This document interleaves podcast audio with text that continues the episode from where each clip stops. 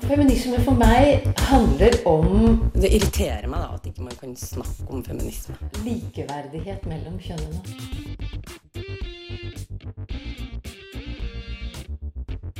Det blikket på kvinnen på film. Det handlet om å bli tatt på alvor som jente. Du hører på Et eget rom på Radio Nova. Kvinnebevegelsen har hatt mye å si for kampen mot vold mot kvinner. Partnervold er et tema som er vanskelig å snakke om. I denne episoden av Et eget rom er vi interessert i å se på det som et samfunnsproblem enn å se på partnervold som en privatsak. Ja, i dag uh, er det jeg, Ninti Paramalingam, og Andrea Berg som sitter i studio, og vi skal snakke om partnervold. Og da velger vi å politisere problemet litt. Det vil si at vi vil se på temaet som en politisk sak, da, og litt mer om hvordan kvinnebevegelsen har kjempet frem rettigheter som beskytter mot vold i nære relasjoner. Eh, og da vil vi også bare starte med å si at dette er et tema som er vanskelig å snakke om, og kan være vanskelig å lytte til, og kanskje mange har opplevd det selv, eller holdt hånda til noen som har det. Og vil si at hvis du opplever, eller kjenner noen som opplever, eller har opplevd for den saks skyld, så oppfordrer vi til å søke etter hjelp, eller gå inn på krisesenter.no for å finne ditt nærmeste krisesenter. Og vi skal jo fokusere mest på kjønnsbasert vold, da. Og det er jo den volden som er rettet mot kvinner. Og det vold og partnervold er, er et ganske vidt begrep. Og vil du starte med å forklare hva det er, André? Ja, det er liksom vanskelig, fordi nå skal vi snakke en del om statistikk og politikk og liksom disse forskjellige begrepene hvor man må ha en presis definisjon. Og det er liksom vanskelig, fordi um, vold i nære relasjoner er det begrepet man pleier å bruke. Da, eh, men i straffeloven så heter det mishandling i nære relasjoner, eller grov mishandling i nære relasjoner. Som er litt sånn tørrere og eh, høres kanskje enda mer alvorlig ut, men det er det samme. Eh, men det som er problemet med begrepet vold i nære relasjoner, er at det favner om vold i alle nære relasjoner. Så det inkluderer vold mot barn, vold mot eldre. Eh, ikke bare vold mot nåværende partnere, men også mot tidligere partnere. Eh, det, til og med så omfatter det kjønnslemlestelse og tvangsekteskap. Eh, I hvert fall etter Helsedirektoratet sin definisjon, da. Så det gjør jo at alle disse tallene blir litt vanskeligere å snakke om. Eh, ja. Ja, ikke sant. Det er vel nok for Man må jo ha en sånn bred lov for å prøve å fange opp så mye som mulig. Så igjen da, så har man jo forskjellige typer vold. Det kan jo være fysisk, det kan være seksualisert vold, eller ja, psykisk skade. Og så fikk jeg også høre at man kan også, også eh, at det finnes to begreper som jeg ikke har hørt før når det kommer til dette temaet. Det er økonomisk vold. Det er jo når altså, partneren prøver å ha kontroll på ja, alt økonomisk, du får ikke lov til å håndtere penger, og materiell vold som er f.eks. hvis man slår i vegger eller ødelegger et smykke som betydde veldig mye for deg, og hvis Mm. man da har levd med noen eh, Eller hvis man lever med vold i nære relasjoner, så kan disse handlingene virke veldig skremmende, da. Så Det gir veldig mening, syns jeg, fordi jeg har lest at eh, to tredjedeler av de som opplever eh, vold i nære relasjoner, også har opplevd kontrollerende eh, oppførsel fra partneren sin. da. Så det er veldig vanlig at de to går litt sånn hånd i hånd, at man skal ha liksom kontroll over den andre personen. Men det skal vi jo snakke mye mer om, da. Men jeg syns det er ganske, ganske interessant, og det sier ganske mye om dette temaet, og hvorfor det er så alvorlig, da. Fordi at det, det handler såpass mye om å kontrollere andre mennesker rundt seg. Ja, og jeg tror det som er noe av det tristeste også, eller ja, det er jo at det er så vanskelig å, altså vanskelig å bevise det hvis man har gått hjem nå. Uansett om det er psykisk, er jo enda vanskeligere enn å be, altså bevise fysisk. Så Og hvis du har noen blåmerker, kan jo det gå bort om noen dager. Så da, ja, det er utrolig vanskelig å være i en sånn situasjon, da. Men eh, da skal vi høre på Suburban Ladyland av 22 Pister Pirko, som er et finsk band.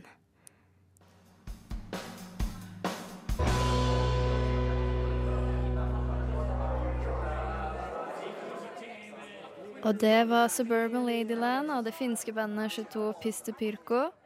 Og før vi skal snakke mer om statistikk for partnermål, skal vi høre fem globale fakta som Linda Rosenberg har funnet for oss. Verdens helseorganisasjon kom med en rapport i november 2016. Her ble det slått fast at én av tre kvinner opplever fysisk og- eller seksualisert vold av en partner i løpet av livet. Tallet er ned mot én av fem kvinner i en del høyinntektsland, mens tallet er så høyt som 71 i et land som f.eks. Etiopia. Ifølge rapporten er det flere faktorer som øker risikoen for partnervold. Og rapporten nevner bl.a. lavt utdanningsnivå, omsorgssvikt som barn, familievold i hjemmet da man vokste opp, alkoholisme og generell diskriminering av kvinner i samfunnet.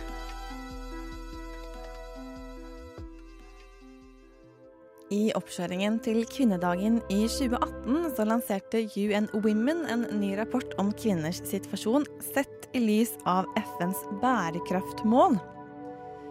Rapporten viser at én av fem kvinner under 50 år har opplevd partnervold fysisk eller psykisk, det siste året. I tillegg så forteller rapporten at over halvparten av alle kvinnedrapene i 2012 ble begått av partneren eller et annet familiemedlem. Dobbelt så mange kvinner som menn blir drept av partneren sin, og i 2012 så var det 44 000 kvinner som ble drept av sin egen partner. I tillegg så viser rapporten at så mange som 49 land mangler lover som beskytter kvinner fra vold i hjemmet. I 2015 kom en undersøkelse fra Verdensbanken kalt Women, Business and the Law. Dette var en rapport som så på juridiske forhold som hindrer kvinners mulighet til arbeid i 173 land. Kvinners mulighet til arbeid er viktig av flere grunner, men en viktig grunn det er økonomisk frihet og at kvinner med egen inntekt får mer makt i hjemmet. Rapporten fra Verdensbanken viser at kvinner som utsettes for partnervold, voldtekt eller seksuell trakassering, har større risiko for å havne utenfor arbeidsmarkedet. En undersøkelse fra Tanzania som rapporten viser til, viser at kvinner som er utsatt for alvorlig vold fra sin partner, tjener 60% mindre enn andre kvinner som ikke er utsatt for den samme typen vold. I 2014 kom Unicef-rapporten 'Hidden in Plain Sight'. En samling av informasjon om vold mot barn, med tall samlet inn fra 190 land. Rapporten viser at én av tre jenter i alderen 15 til 19 år som er gift, har blitt utsatt for fysisk, psykisk eller seksuell vold av sin ektefelle.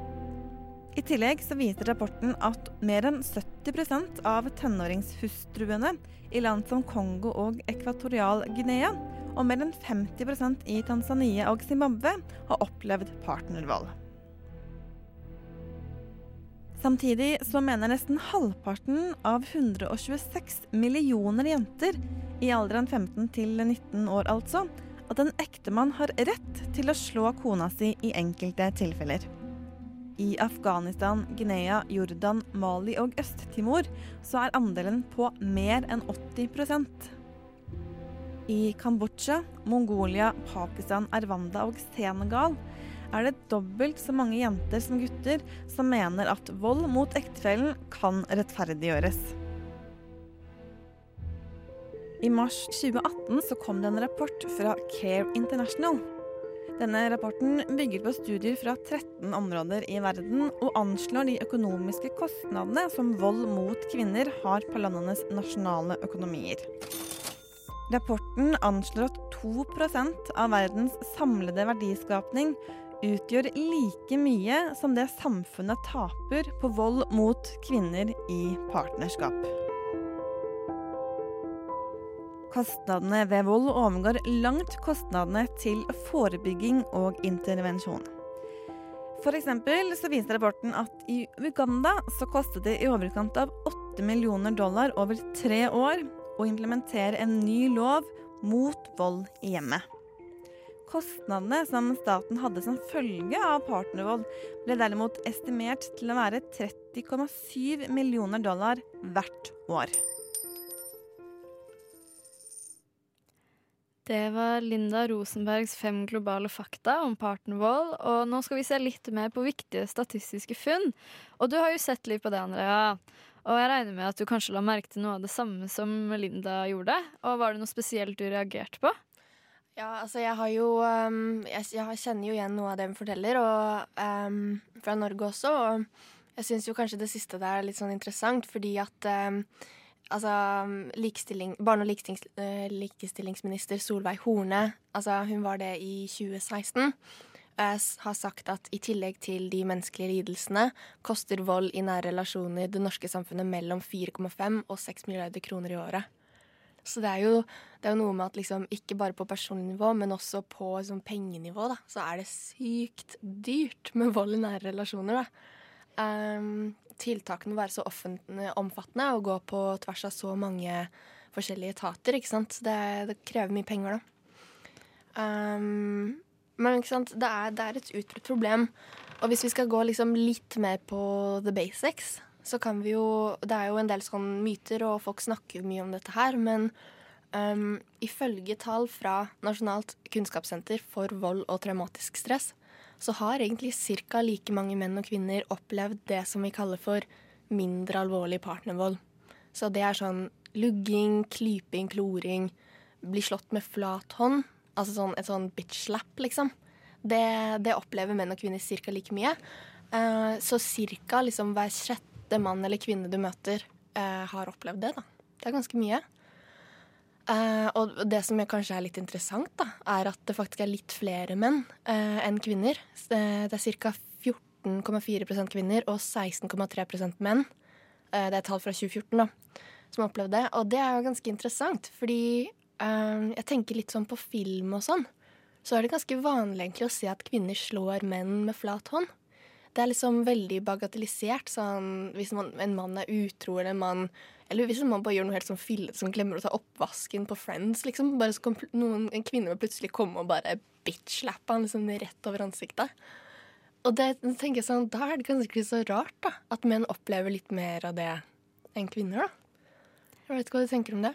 Ja, det, det kan jo godt hende at man på en måte uskyldiggjør den volden da, man, sånn menn som regel opplever. Men så har du funnet noe statistikk på hvor mye alvorlig vold Forskjellen på eh, hvor mange menn og hvor mange kvinner som opplever den alvorlige volden? da? Ja, for der, jo, der ser man jo den store kjønnsforskjellen, ikke sant. Um, alvorlig vold, jeg kan definere det også. Det er jo litt mer sånn å bli sparket eller liksom banka opp. Og så det står også i beskrivelsen eh, til helsemyndighetene at eh, å bli tatt kvelertak på er et, et typisk eksempel på eh, alvorlig vold.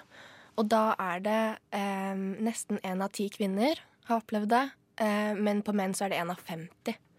Så det, der er det ganske stor forskjell, da. Mm. Ja. Um, og det sier jo um, Det sier jo litt, og um, vi, det, det, som kan også forklare litt den store kjønnsforskjellen, det må vi jo nevne, da, er at det er veldig, veldig mye skam knyttet til dette temaet. Ikke sant? Og kanskje mer for menn når det kommer til å melde fra. Men ikke sant, det er vanskelig å si. Vi vet jo, uavhengig av hvor mange som melder fra og har opplevd det, så vet vi jo at det er et overveldende antall menn som utøver det. For det er jo en annen statistikk. ikke sant? Ofte så tenker man sånn hvis det er kvinner som opplever det, så betyr det at det er menn som utøver det. Og hvis det er menn som opplever det, så er det kvinner som utøver det. Fordi vi er så vant til å tenke heteronormativt om par. Men det fins jo også par med to menn og to kvinner, ikke sant. Mm. Så selv om, eh, så selv om f.eks. med da eh, mindre alvorlig partnervold, selv om det er ca. 50-50 der, så er det flest menn som gjør det. Um, og i hvert fall når det kommer til grov vold, så er det overveldende antall menn som gjør det. Ja, Uh, og på Jeg så jo, har sett på noen tall på litt mer global skala. Mm. Og som også Linda nevnte eh, tidligere, så er det jo rundt sånn 35 kvinner i hele verden blir utsatt for fysisk eller seksuell vold. 35 da, av alle kvinner. Det er ganske mye. Ja. Og partnervold er jo den vanligste typen mishandling. Mm. Så det store Og leste også at de har satt altså kjønnsbasert vold som en like stor trussel mot helse som det hiv og aids er. Så det er liksom sånn Fordi man er vant til at, ja, det, at det er så skambelagt at det når på en måte ikke ut, og man får det ikke med seg, så er det et så omfattende problem da, i Mm. samfunnet. Og det er også ganske interessant å se på anmeldelsene. Fordi at um, i, i 2017, da, det er liksom de nyeste tallene som man har fra typ Bufdir og sånn, uh, er at uh, litt over 5000 har anmeldt uh, vold i nære relasjoner. Jeg kan jo også nevne at dette var ikke noe man kunne anmelde for bare noen år siden. Det er en, en ting som man kunne begynne å anmelde fra 2005. Før det så måtte man anmelde det som Skal sjekke hva det heter. Husbråk. OK. Eller vold, da kunne man også anmelde det som. Men det sier jo også noe om at eh, etter 2005 så har man tatt det mye mer seriøst. Um, ja, så, så, Men det er jo fortsatt bare da 5000 som har anmeldt det. Og det er jo ikke så mange som har kommet til krisesentrene og sagt at de har opplevd det. ikke sant? Ja, ikke sant. 2005, det er ikke lenge siden, det. Mm -mm. Og så er det jo um, Det har jo også vært eh, snakk nå i det siste om at eh, Det har jo vært en kjempesak siste uken om at eh, av de som eh, opplever partnerdrap, så har en tredjedel av de kvinnene som blitt drept i partnerdrap, faktisk anmeldt eh, før de ble drept. Og så har det blitt henlagt av politiet. Så da er det kanskje ikke så rart at det ikke er så mange som anmelder. Det er litt eh, Nå, skal vi, nå er ikke politiet her for å forsvare seg. Um, men det, det er jo også litt sånn tankevekkende, da. Ja, absolutt. Vi skal snakke mer videre om partnervold, men først skal vi høre på Listen to Girl og Birds.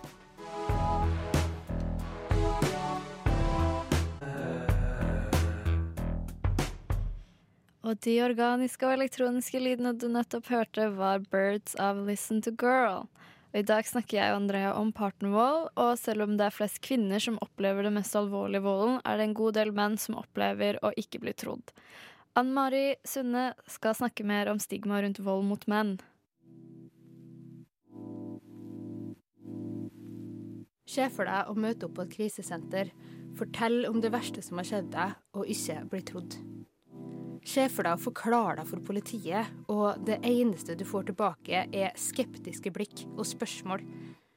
Se for deg å sitte på et kontor og måtte forsvare hvorfor du som mann er den beste til å ta vare på barna dine, fordi din partner har drevet med systematisk vold i flere år. Det her er det mange menn utsatt for vold av partner både møter og er redd for å møte hvis de sier fra om den uretten som har foregått innenfor husets fire vegger.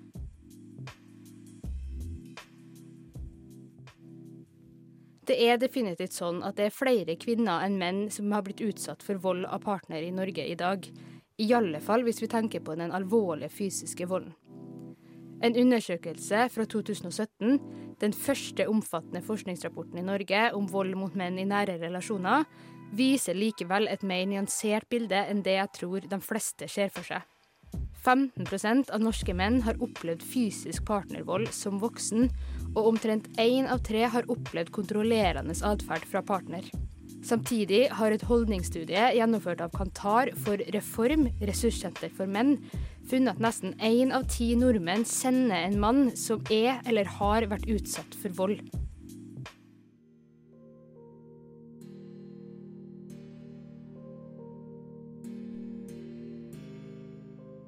Samtidig er det gjennomført flere kvalitative intervjuer hvor forskere har snakka med menn som har vært utsatt for vold av partner.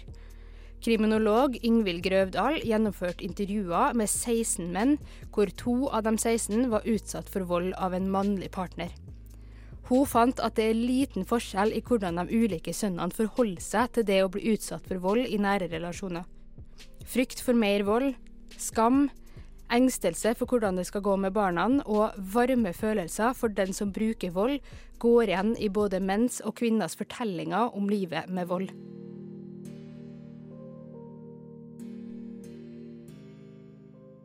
Likevel så er det sånn at menn er mer redd for å ikke bli trodd når de forteller om sine opplevelser, og menn har mer problemer med å bli tatt på alvor når de forteller om vold fra en kvinnelig partner. Tove Ingebjørg Fjell, professor i kulturhistorie, har også forska på det her, og hun har funnet noen trekk i mennenes historier. Ofte så underkommuniserer de alvorligheten i det de har blitt utsatt for. Det er mindre dødsangst, og mennene opplever en høyere terskel for å oppsøke hjelp. Det kan være flere ulike årsaker til det her, men Grøvdal fremhever bl.a. mannens fysiske styrke, og at menn frykter at å melde fra kan bli brukt mot dem seinere. Samtidig har Fjell vist hvordan vold mot menn ofte framstilles som humor, og noe mindre alvorlig enn vold mot kvinner.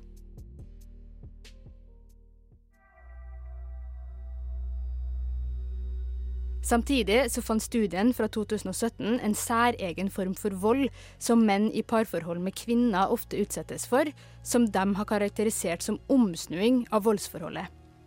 Dette er når de kvinnelige partnerne som har utført vold, klarer å snu om på virkeligheten, altså få omverdenen til å tro at det er hun som er utsatt for volden, og ikke mannen. Det er sånn i dag at menn i Norge har lovfesta rett til tilgang på krisesenter, og vi ser et skifte i hvordan vi ser på vold i partnerskap. De fleste av oss har likevel et ensidig bilde av mannen som overgriper på den ene sida, og kvinner som offer på den andre. Det er kanskje nødvendig for likestilling å se at det her også kan være motsatt. Kvinner kan utøve vold, og menn kan bli utsatt for det, om ikke annet er det nødvendig for å sørge for et rettferdig og likestilt tilbud for alle kjønn. For å si som kriminolog og drapsforsker Vibeke Ottesen ja, kvinner kan, på godt og vondt.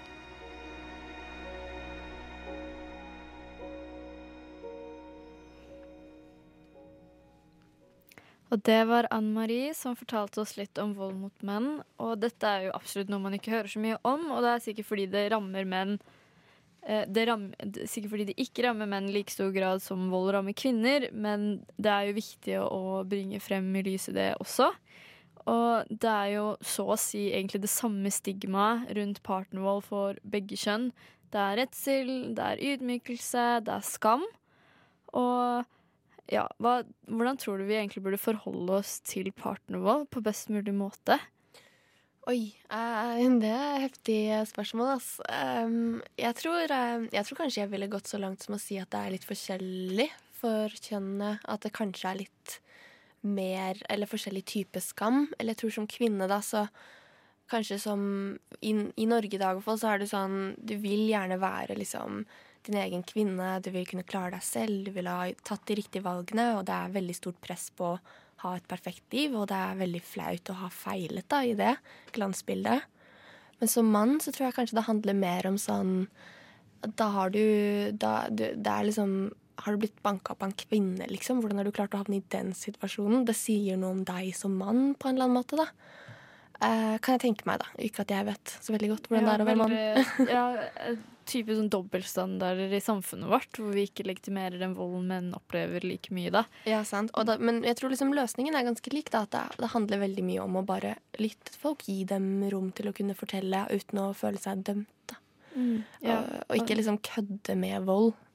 Så, ja, ja, absolutt. Og så tror jeg også eh, når man har barn, så vil man Eller så er det jo enda vanskeligere å kun skulle gå fra den personen. Men det er jo ikke sånn at vold mot kvinner har blitt tatt like seriøst hele tiden heller. Det er jo faktisk noe vi har kjempet frem skal bli tatt på alvor. Og eh, det første krisesenteret i Oslo eh, åpnet i 1978, og så gikk det fem år, og da hadde de plutselig 50 krisesentre omkring landet, og i dag er det like mange. Det er 50 i dag også, da. Mm. Eh, og på 1983 så fikk myndighetene også en handlingsplan på hvordan vold mot kvinner skulle bli synliggjort. Dette er altså, dette, å kjempe mot kvinnemishandling og for krisesenteret er jo noe som jeg føler har i, altså, i mine feministiske år har alltid vært en fanesak for feminismen. da. Så det sier jo litt. Sånn, det, dette er rettigheter vi har kjempet for, og derfor må vi liksom fortsette å kjempe for at det skal bli mer tiltak. Da. Så det gjelder kanskje ikke å bare ha en lov som sier vold, utøve vold mot partneren sin, det er ulovlig. Men sånn, hvis du kommer fra et lite sted, en liten kommune i Norge, da, hvor er det du skal dra? Hva om du ikke har noe krisesentre i nærheten? Eller altså Det er liksom sånne ting også, da. Nå i 2017 eh, da, så har, det, så Stortinget vedtatt en ny eh, sånn opptrappingsplan, som de kaller det, da, mot vold og overgrep. Eh, som skal liksom utarbeides fra 2017 til 2021. Hvor alle de tolv politidistriktene i landet skal være liksom rustet da, til å ta imot eh, kvinner, i, kvinner og menn da, som har blitt utsatt for eh, vold i nære relasjoner. Og eh, folk som ikke identifiserer seg som kvinner og menn, regner jeg med. Og det sier jo noe om at ok, nå har man skjønt at dette her er skikkelig alvorlig. Vi har et ordentlig problem. Mm, og man liksom ønsker å sende et signal om at uh, dette skal man ta mer seriøst fremover. da. Ja, ikke sant. Og jeg leste også at Amnesty har jobbet litt med dette. Og de hadde en undersøkelse i 2005 som viste at kommunene har ganske mangelfull forståelse på dette feltet. Og så er det jo altså sånn vi snakker om partnervold, men så vi, vet vi også hvordan eh, voldtektsstatistikken i Norge er. Og at faktisk 80% av alle voldtektsanmeldelser henlegges. da.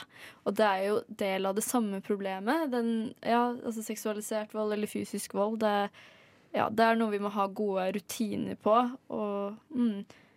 Og det er jo ikke så rart, tenker jeg, at, um, at dette her har blitt en veldig viktig sak, sak for kvinnebevegelsen. Da, bare for å gå litt tilbake til det. Um, et av de viktigste slagordene i kvinnebevegelsen fra, fra andre bølgen kommer det, er jo uh, 'the personal is political'. Å prøve å overbevise uh, de som lager lover, om at det som skjer i hjemmet, ikke bare hører hjemme i hjemmet. Det sier ikke bare noe om en enkelt relasjon, det sier også noe om samfunnet. Uh, og bli tatt seriøst på det, da. Det, er jo ikke så veldig lenge siden at kvinner, enten i en veldig konkret forstand eller i en litt mer sånn metaforisk forstand, var mannens eiendel. Uh, og måtte måtte på en måte deale med den personligheten han hadde. da, som var en gæren psykopat som drev og banket deg opp, så hadde du jo virkelig ingenting du kunne gjøre. Men også veldig mye sånn skam eh, i samfunnet i dag, da, som, som kanskje også holder, holder kvinner og, og andre i, i, sånne forhold fortsatt. Ja, ikke sant. Og det kan være utrolig farlig, farlig å normalisere denne volden, da. Og Derfor er det så viktig at vi har tiltak og krisesentre hvor du kan gå, hvor du kan bli hørt, hvor du kan bli trodd, ikke minst, og tatt seriøst, og få juridisk hjelp eller ja, men, selvhjelp. Men hvor tror du den volden egentlig normaliseres? Hvor er det det skjer? Det er nok veldig komplisert, men jeg tror det kan komme både sånn personlig, hvis du er veldig forelska i noen, og de sier unnskyld, det skal ikke skje igjen. Det er jo sånne historier man hører veldig ofte, og så tror man på det fordi man er så glad i denne personen. Og da blir det en ting som skjer i forholdet deres da. Og det er liksom ikke et problem lenger, for nå har du blitt så vant til det. Og jeg tror det er helt utrolig hvor mye mennesker kan normalisere av uh, traumer. Det blir en sånn forsvarsmekanisme for å komme seg gjennom. Hvis du har barn i tillegg til det, så må du jo kanskje bare finne dine måter på å gjøre det til noe som ikke er så ille. Ingen har jo lyst til å være et offer, i hvert fall av noe man er veldig glad i, da. Og vi snakket jo litt om det før vi lagde den sendingen. ikke sant? Alle kjenner, altså i hvert fall alle kvinner, eh, regner jeg med, kjenner en eller annen som har opplevd liksom noen type vold, eller, eh, noe, eller seksualisert vold, ikke sant. Uh, og så blir man jo sånn Det er veldig lett når man ikke er i den situasjonen selv, å bare være sånn Ja, men Kast ham ut, liksom. eller anmeld Suicide, liksom. Ja, kast han ut eller anmeld han. Det kan vi avslutte med før vi skal høre It's All About You av Monia.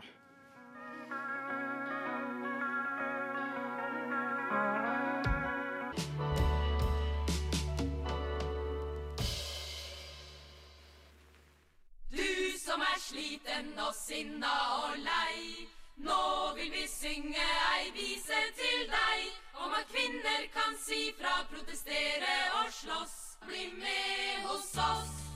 Du hører på Et eget rom. Likestilling kommer ikke av seg selv. Og det var It's All About You av Munya. Og nå skal vi snakke litt mer om kvinnebevegelsens betydning internasjonalt som et verktøy for å bekjempe vold mot kvinner. Og ofte blir kvinner i andre land, da spesielt i u-land, fremstilt som ofre i norske medier. Og vold mot kvinner i India spesielt, og eh, voldtekter i India har jo fått veldig mye oppmerksomhet i, i norske medier de siste årene.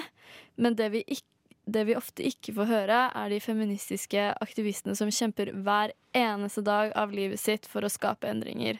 Og deres aktivisme gjør dem ofte utsatt for ekstrem hets eller forfølgelse.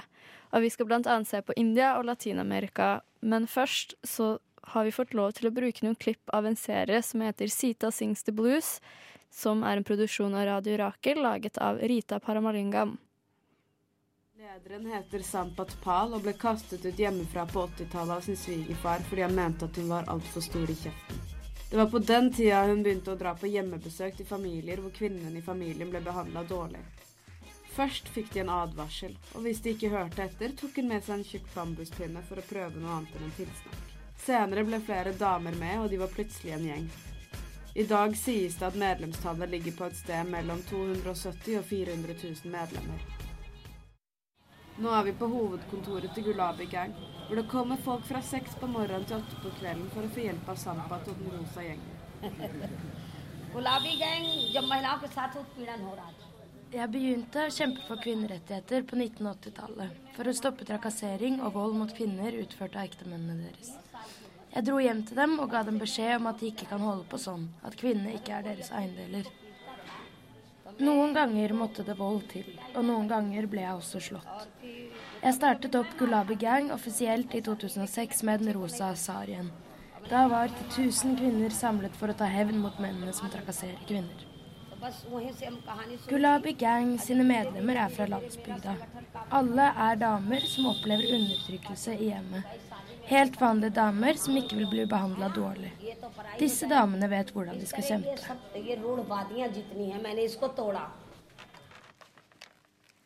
Så det var noen klipp fra serien Sita sings the blues om Gulabi Gang, som er en gruppe med damer som altså, faktisk går, besøker kvinner som blir utsatt for vold i hjemmet, og bruker faktisk vold for å få den til å slutte. Nå har vi akkurat snakket om vold mot menn og kvinner, men hva tenker du om denne, denne måten å ja, stoppe vold hjemme på, da? Nei, altså jeg har jo bodd, eh, jeg har bodd to år i India, da, og der er jo The Glabi Gang eh, kjent. Det er jo veldig vanskelig å ikke bli sjarmert av disse knall rosa sariene som bare marsjerer inn i folks hjem og banker opp menn, men det er jo, det er jo veldig ekstremt. Eh, og det reflekterer nok den veldig, veldig ekstreme situasjonen eh, kvin enkelte kvinner i India lever i. Og det er så klart ikke ønskelig at man skal drive og banke opp folk fordi de eh, gjør det selv. Men, eh, men når politiet svikter og man ikke har noen annen utvei, så kan jeg så klart skjønne at det er dit de går, da. Ja, fordi det er jo ikke det eneste de jobber med. Det er jo også ja, når politiet eller ja, støtteapparatene rundt er korrupte, de også. Ja. Uh, og for eksempel så har jeg lest at de jobber med dette med medgiftsrelaterte drap, som er altså når kvinner blir At de dreper kvinner som for eksempel ikke har høy nok kan betale høy nok medgiftavgifter. og i 2007 så ble faktisk 22 kvinner drept hver eneste dag pga. det. Og dette er jo noe som er utbredt i India, og Gulabi Gang jobber jo også med å ikke la ikke gi slipp på de kvinnene som blir drept på den måten. fordi da kan det ofte være at f.eks. landsbygden finner på historier og sier nei, det var en ulykke. Men sånn ser man veldig godt at dette var ikke en ulykke, dette ble gjort mot en jente. At de jobber veldig hardt med å huske på historien til den damen, da. Mm. Nei, Jeg syns det, det er veldig interessant, og jeg, det sier jo også noe om at eh, selv i liksom de landene hvor det er helt sånn krise for kvinner, ute på landsbygda i noen områder, det er jo ikke hele India, så klart, eh, så er det så er det liksom Så klarer de å mobilisere, stå opp for seg selv. Det er jo veldig inspirerende. Det er jo liksom Ja, er kult å tenke sånn OK, disse kvinnene her har veldig lite, og de har blitt banket opp selv, også, men de går ut og slåss for sine søstre, da. Ja, og hjelpe hverandre. Ja. Sånn, det hvor vanskelig er det, ikke, er det ikke å stå opp mot uh, mannen din som slår deg hver eneste dag alene, men plutselig så får han en gjeng med damer med rosa sari på døra, og da blir han kanskje skremt til å ikke gjøre det lenger, da. Så det er jo, ja, man blir veldig inspirert av uh, de, altså det det, hvordan Gulabi-gang opererer, da. Men kanskje ikke noe vi skal begynne med her i, eh, her i Oslo? Nei, da får vi håpe at uh, det faktiske rettssystemet vi har uh, At vi kan stole på dem, da. At vi ikke trenger å bruke de samme midlene. Men uh, det er jo også en annen bevegelse som jeg har lyst til å snakke om, som heter Neonamenos. Som var en bevegelse som startet i 2015. Og det begynte med at det ble holdt eh, store demonstrasjoner først i Argentina.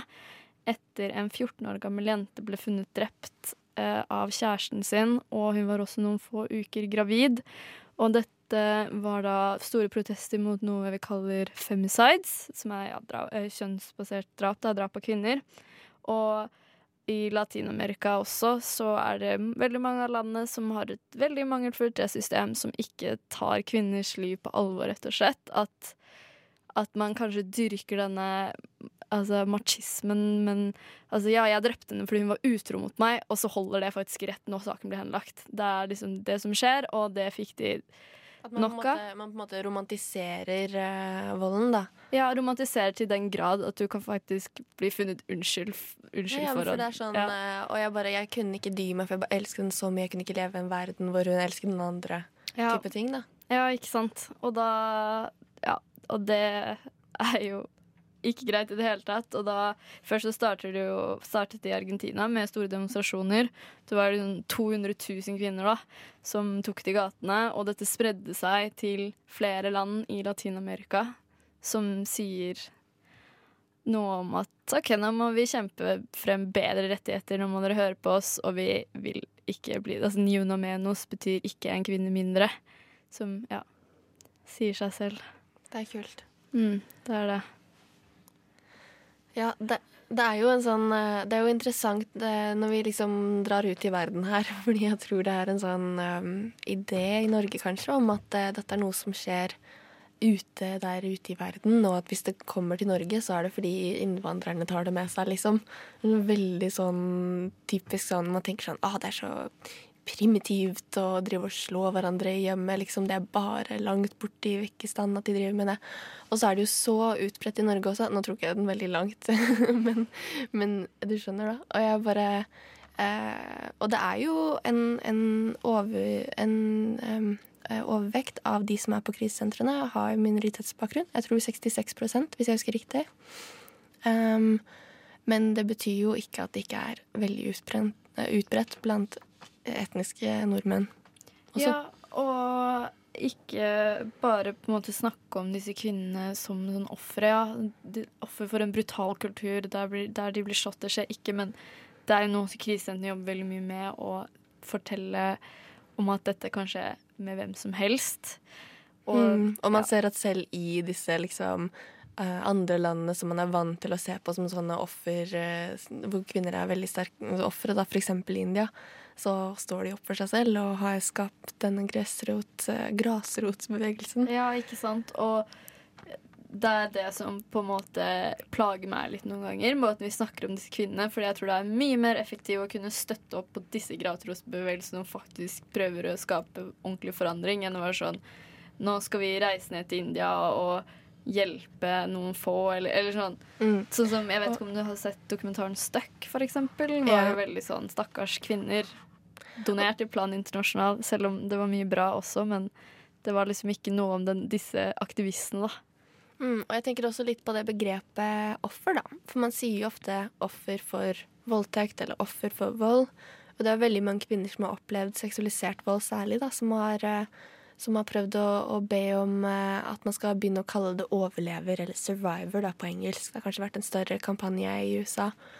Det er alt, eh, alle kampanjer er jo større i USA, da. Men uh, den der um, tanken om at OK, du er ikke bare noen som har blitt Du, ikke, du skal ikke bli definert av dette her.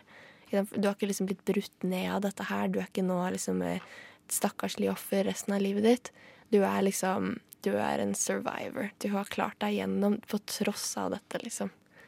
det er absolutt. kult, uh, kul måte å tenke på, syns jeg. Mm. Men da skal vi høre på hymnen av Ni grader nord.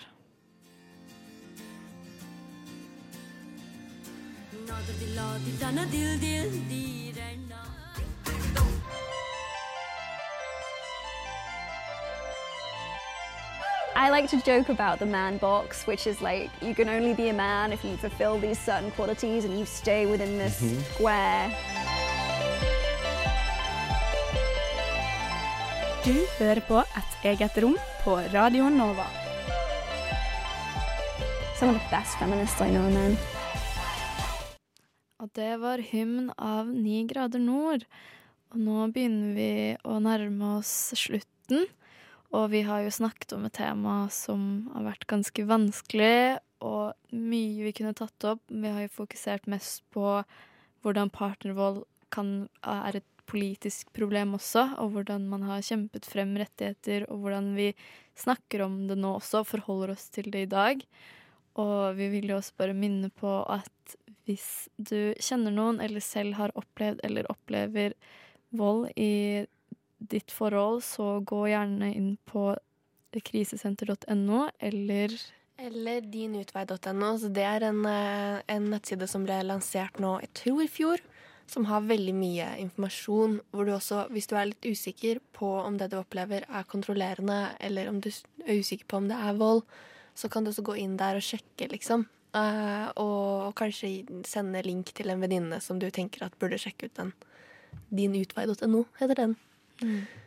Ja, og det er jo mye skremmende statistikk som forteller oss at det er dette med kvinne, altså vold i nære relasjoner er et mye større problem enn det man kanskje tror, fordi det er veldig skjult. Og det er jo av gode grunner, fordi det nemlig er tabubelagt, og det er skummelt og alt sammen. Men altså, vi må jo bare fokusere på hvordan vi kan gjøre det enklere og faktisk søke om hjelp, da. Og at det ikke ender i det verst tenkelige tilfellet. Og det er jo altså internasjonalt så er det faktisk 38% av alle kvinner som eh, blir myrdet, de blir drept av partneren sin. Mm.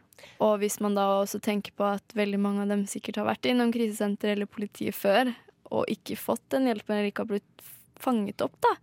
Man kan jo også altså starte der og utvikle systemet der òg, da. Mm, mer fokus på dette temaet. Og ehm, jeg tror at vi gjør mye ved å bare åpne opp og begynne å snakke om dette, sånn at de som kanskje sitter og tenker på disse tingene og ikke har det bra, eh, finner, eh, finner en vei inn i liksom samtalen, da. Um, jeg tenker sånn, jeg skjønner jo at det er høy terskel å dra til et krisesenter, liksom. Men i hvert fall å snakke med en venn og høre at dette her er faktisk ikke normalt, da. Eh, For man kan jo bli overbevist og overbevist seg selv om at veldig mye er normalt. Når man lever eh, tett på og man er veldig forelsket og Ikke sant? Mm. Ja, og det kan jo ofte være at samfunnet rundt deg ikke tar deg på alvor. Men ja, også veldig mye sånn psykologiske mekanismer der inne, tror jeg, som gjør at man må finne litt måter å leve med så store belastninger på, da. Men eh, da vil jeg takke tekniker Javad Ben Hamoud og Linda Rosenberg og Anne Marie Sunde for eh, flotte innslag, og Rita Paramalingam som ga oss lov til å bruke klipp fra radioserien Sita Sings the Blues.